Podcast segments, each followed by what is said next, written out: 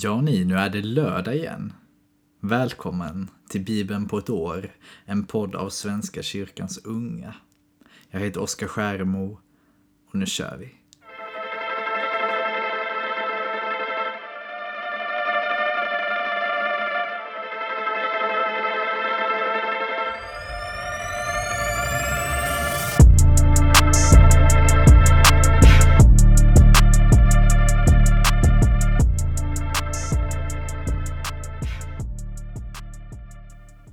Vi ber tillsammans.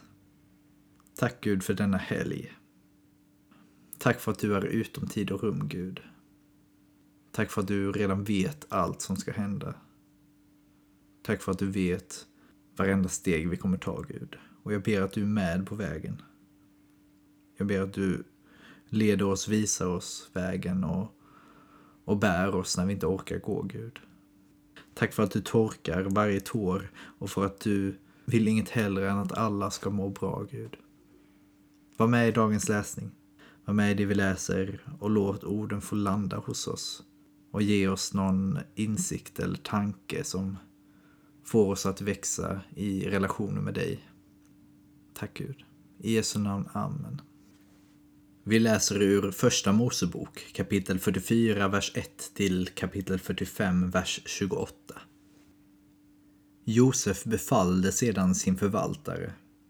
Fyll männens säckar med säd, så mycket de kan ta med sig, och lägg vars och ens pengar överst i hans säck. Och min bägare, silverbägaren, ska du lägga överst i den yngste säck tillsammans med pengarna han betalade för säden. Han gjorde som Josef hade sagt. Så snart det blev morgon fick bröderna ge sig av med sina åsnor. De hade inte hunnit långt från staden när Josef sade till sin förvaltare. Sätt genast efter männen. När du hinner upp dem ska du säga Varför har ni lönat gott med ont?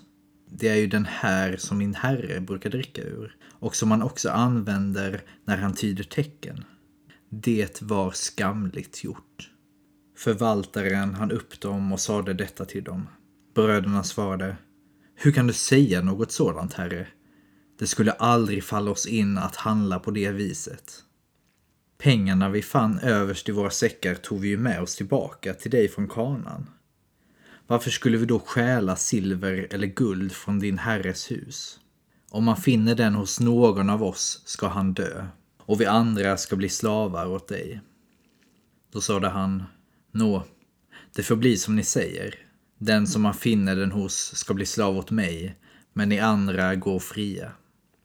Bröderna skyndade sig att lyfta ner sina säckar på marken. Var och en öppnade sin säck och förvaltaren satte igång att leta. Han började hos den äldste och slutade hos den yngste. Och bägaren blev funnen i Benjamins säck. Då red de sönder sina kläder. Sedan de lastat sina åsnor återvände de till staden. Så kom Juda och hans bröder till Josefs hus Josef var fortfarande kvar där och de kastade sig till marken inför honom. Josef sade till dem, vad är det ni har gjort? Förstår ni inte att en man som jag kan tyda tecken? Judas svarade, vad ska vi säga, Herre? Hur ska vi lägga våra ord och hur ska vi hävda vår oskuld? Gud har uppdagat vår skuld och vi är dina slavar, Herre, både han som bägaren blev funnen hos och vi andra. Josef sade, det skulle aldrig falla mig in att göra så. Den som bägaren blev funnen hos, han ska bli min slav. Ni andra kan lugnt bege er hem till er far. Juda vände sig till honom och sade, Lyssna på mig, herre. Låt mig få säga ett ord. Och bli inte vred på din tjänare, du som är faraos like. Du frågade oss, Herre, om vi hade far eller bror. Vi svarade dig, Herre, vi har vår gamle far och han har en son, en ung pojke som han har fått på gamla dagar. Pojkens bror är död. Därför är han ensam kvar efter sin mor och han är min fars älsklingsson. Då befallde du oss att föra honom hit till dig så att du fick se honom. Men vi svarade dig, Herre, att pojken inte kunde lämna sin far. Hans far skulle dö om han lämnade honom. Men vi svarade dig, Herre, att pojken inte kunde lämna sin far. Hans far skulle dö om han lämnade honom. Då sade du till oss att om inte vår yngste bror följde med oss hit skulle vi aldrig mer få visa oss för dig. Så kom vi hem till vår far, din tjänare, och berättade för honom vad du sagt. När sedan vår far sade åt oss att fara tillbaka och köpa lite brödsäd svarade vi, det kan vi inte. Bara om vår yngste bror följer med oss kan vi fara. Vi får inte visa oss för mannen om inte vår yngste bror är med. Då sade vår far, ni vet ju att min hustru födde två söner. Den ene försvann ifrån mig och jag förstod att han var ihjälriven. Jag har inte sett honom mer. Om ni tar också den här sonen ifrån mig och det händer honom en olycka, då driver ni er gamle far med smärta ner i dödsriket. Om jag kommer hem till min far och vi inte har med oss pojken som han är så fäst vid och han ser att pojken inte är med, så blir det hans död. Vi skulle driva vår gamle far, din tjänare, med sorg ner i dödsriket. Herre, jag har lovat min far att ta ansvar för pojken. Jag har sagt att om jag inte har honom med mig tillbaka så ska jag stå som en brottsling inför min far i alla mina dagar. Därför ber jag dig, Herre, att du låter mig stanna som slav hos dig istället för pojken, så att han får fara hem tillsammans med sina bröder. Hur skulle jag kunna fara tillbaka till min far utan att ha pojken med mig? Förskona mig från att se den smärta det skulle vålla min far. Nu kunde Josef inte längre behärska sina känslor inför hovmännen. Låt alla gå ut härifrån, ropade han. Och ingen av dem var kvar hos honom då han gav sig till känna för sina bröder. Och Josef brast i gråt. Han grät så högt att egyptierna hörde det och faraos hov fick veta vad som hänt. Josef sade till sina bröder. Jag är Josef. Lever min far? Hans bröder kunde inte svara honom, så förskräckta blev de. Då sade Josef till bröderna, kom fram hit. De gick fram till honom och Josef sade, jag är Josef, er bror, som ni sålde till Egypten. Men var inte bedrövade för att ni sålde mig hit och förebrå er ingenting. Det var för att rädda liv som Gud skickade mig hit före er. I två år har det nu varit hungersnöd i landet och det kommer fem år till då man varken ska plöja eller skörda. Gud skickade mig före er för att trygga er fortlevnad på jorden och för att bevara er vid liv och rädda många. Det är alltså inte ni som har skickat mig hit, utan Gud. Och han har gjort mig till faraos främste rådgivare, till ledare för hans förvaltning och styresman över hela Egypten. Skynda er tillbaka till min far och säg till honom. Så säger din son Josef. Gud har gjort mig till herre över hela Egypten. Kom hit till mig utan dröjsmål. Du ska få bo i Goshen, där du är nära mig. Du själv med dina barn och barnbarn, dina får och dina kor och allt du äger. Där ska jag sörja för dig, ty ännu återstår fem år av hungersnöd. Du ska inte lida någon brist, varken du eller din familj eller någon av dem som tillhör dig. Ni ser ju själva, både min bror Benjamin och ni andra, att det verkligen är jag som talar till er. Berätta för min far om vilken ställning jag har i Egypten och om allt ni har sett. Och hämta honom hit så fort ni kan. Han föll sin bror Benjamin om halsen och grät, och Benjamin grät i hans famn. Josef kysste alla sina bröder, tog dem i famn och grät. Sedan talade han och bröderna med varandra. I faraos palats hade man fått höra att Josefs bröder kommit. och det gladde farao och hans hovmän. Farao uppmanar Josef att säga till sina bröder. Så här ska ni göra. Lasta era djur och far hem till kanan. Och hämta er far och era familjer och kom sedan till mig. Jag ska ge er det bästa Egypten har att bjuda. Och ni ska få njuta av landets rikedomar. Du ska befalla dem, så här ska ni göra. Ta med er vagnar från Egypten för era barn och kvinnor och hämta er far och kom. Bry er inte om era tillhörigheter. Ni ska få det allra bästa Egypten har att bjuda. Israels söner gjorde så. Josef gav dem vagnar enligt faraos befallning och han gav dem mat för resan. Åt var och en av dem gav han en högtidsdräkt. Men åt Benjamin gav han 300 siklar silver och fem högtidsdräkter. Till sin far skickade han följande.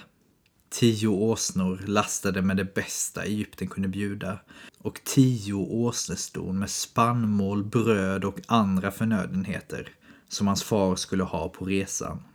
Så tog Josef farväl av sina bröder och när de gav sig av sade han till dem Bli inte ovänner på vägen. De lämnade Egypten och kom tillbaka till Kanan, till sin far Jakob. Där berättade de för honom. Josef lever och han är styresman över hela Egypten. Jakob blev förstummad. Han kunde inte tro dem.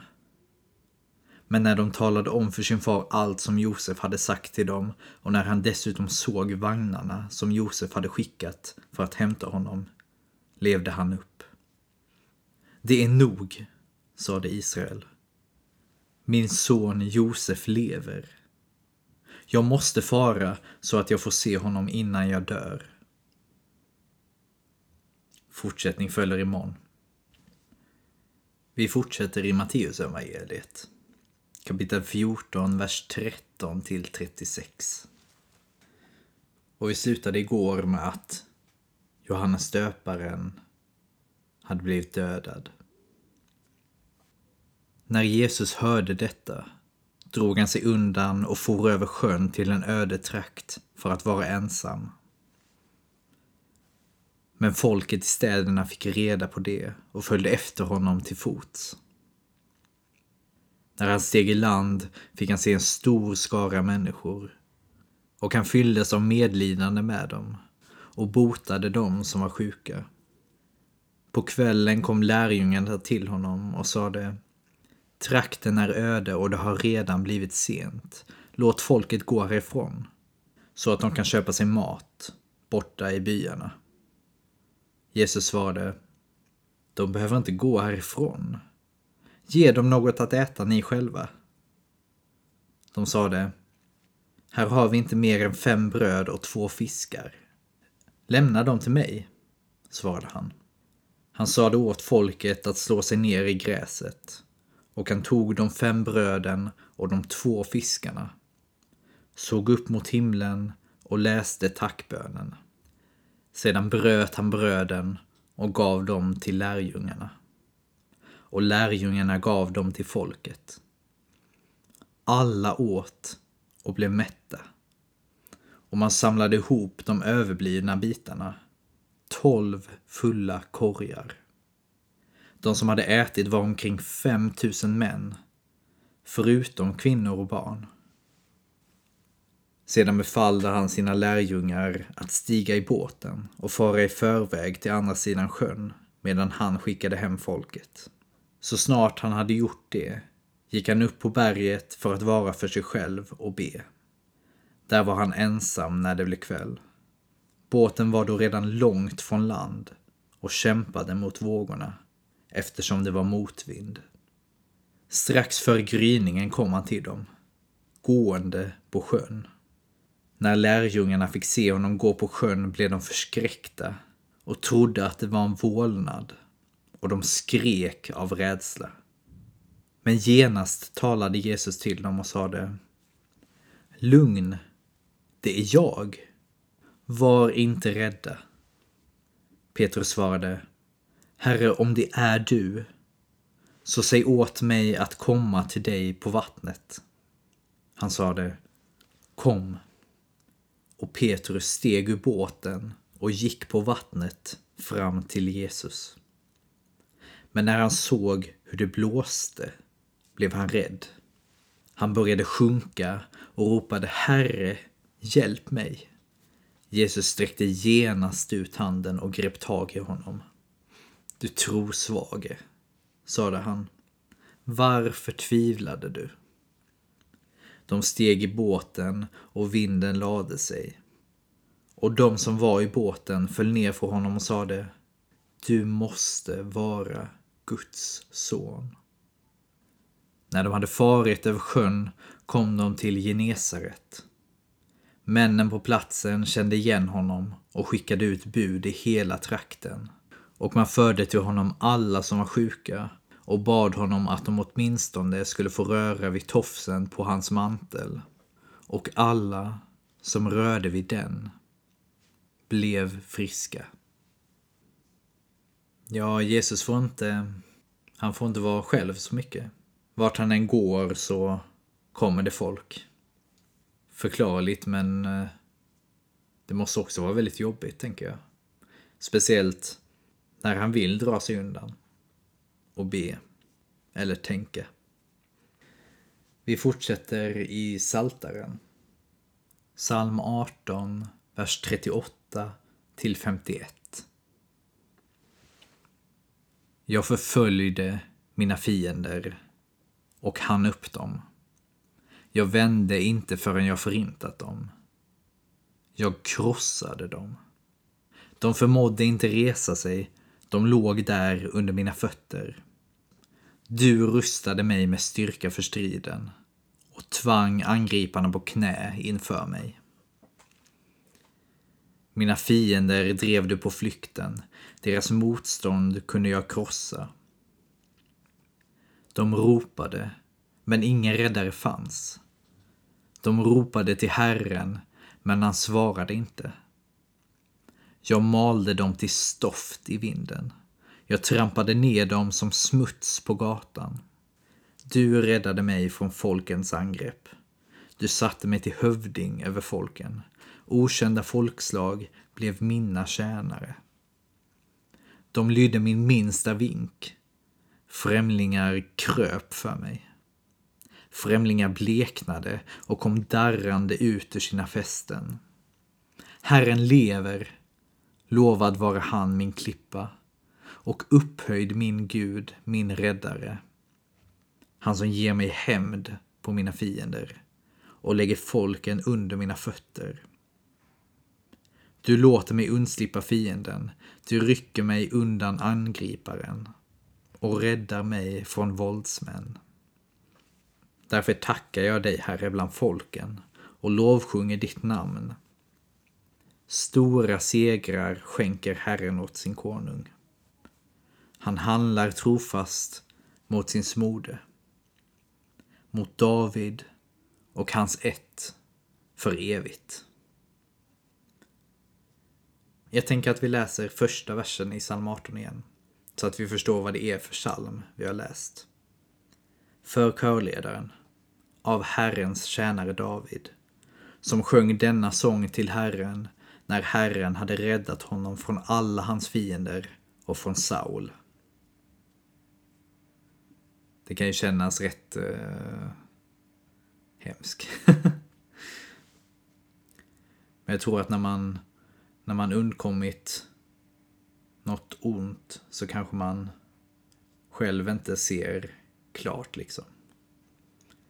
Jag tänker att eh, vi människor, vi är aldrig alltigenom goda liksom. Vi är aldrig allseende som Gud och det är så skönt att ha en gud som kan se alla perspektiv och står på något sätt på allas sida på något sätt. Det finns inget riktigt vi och dem hos Gud. Utan det finns Guds skapelse som är skapad i hans avbild. Vi avslutar med Ordspråksboken kapitel 4, vers 11 till 13. Vishetens väg lär jag dig. Jag leder dig på rätta stigar. Där kan du gå utan att möta hinder, springa utan att snava. Håll alltid fast vid den fostran du fått. Ta vara på den, ty den är ditt liv.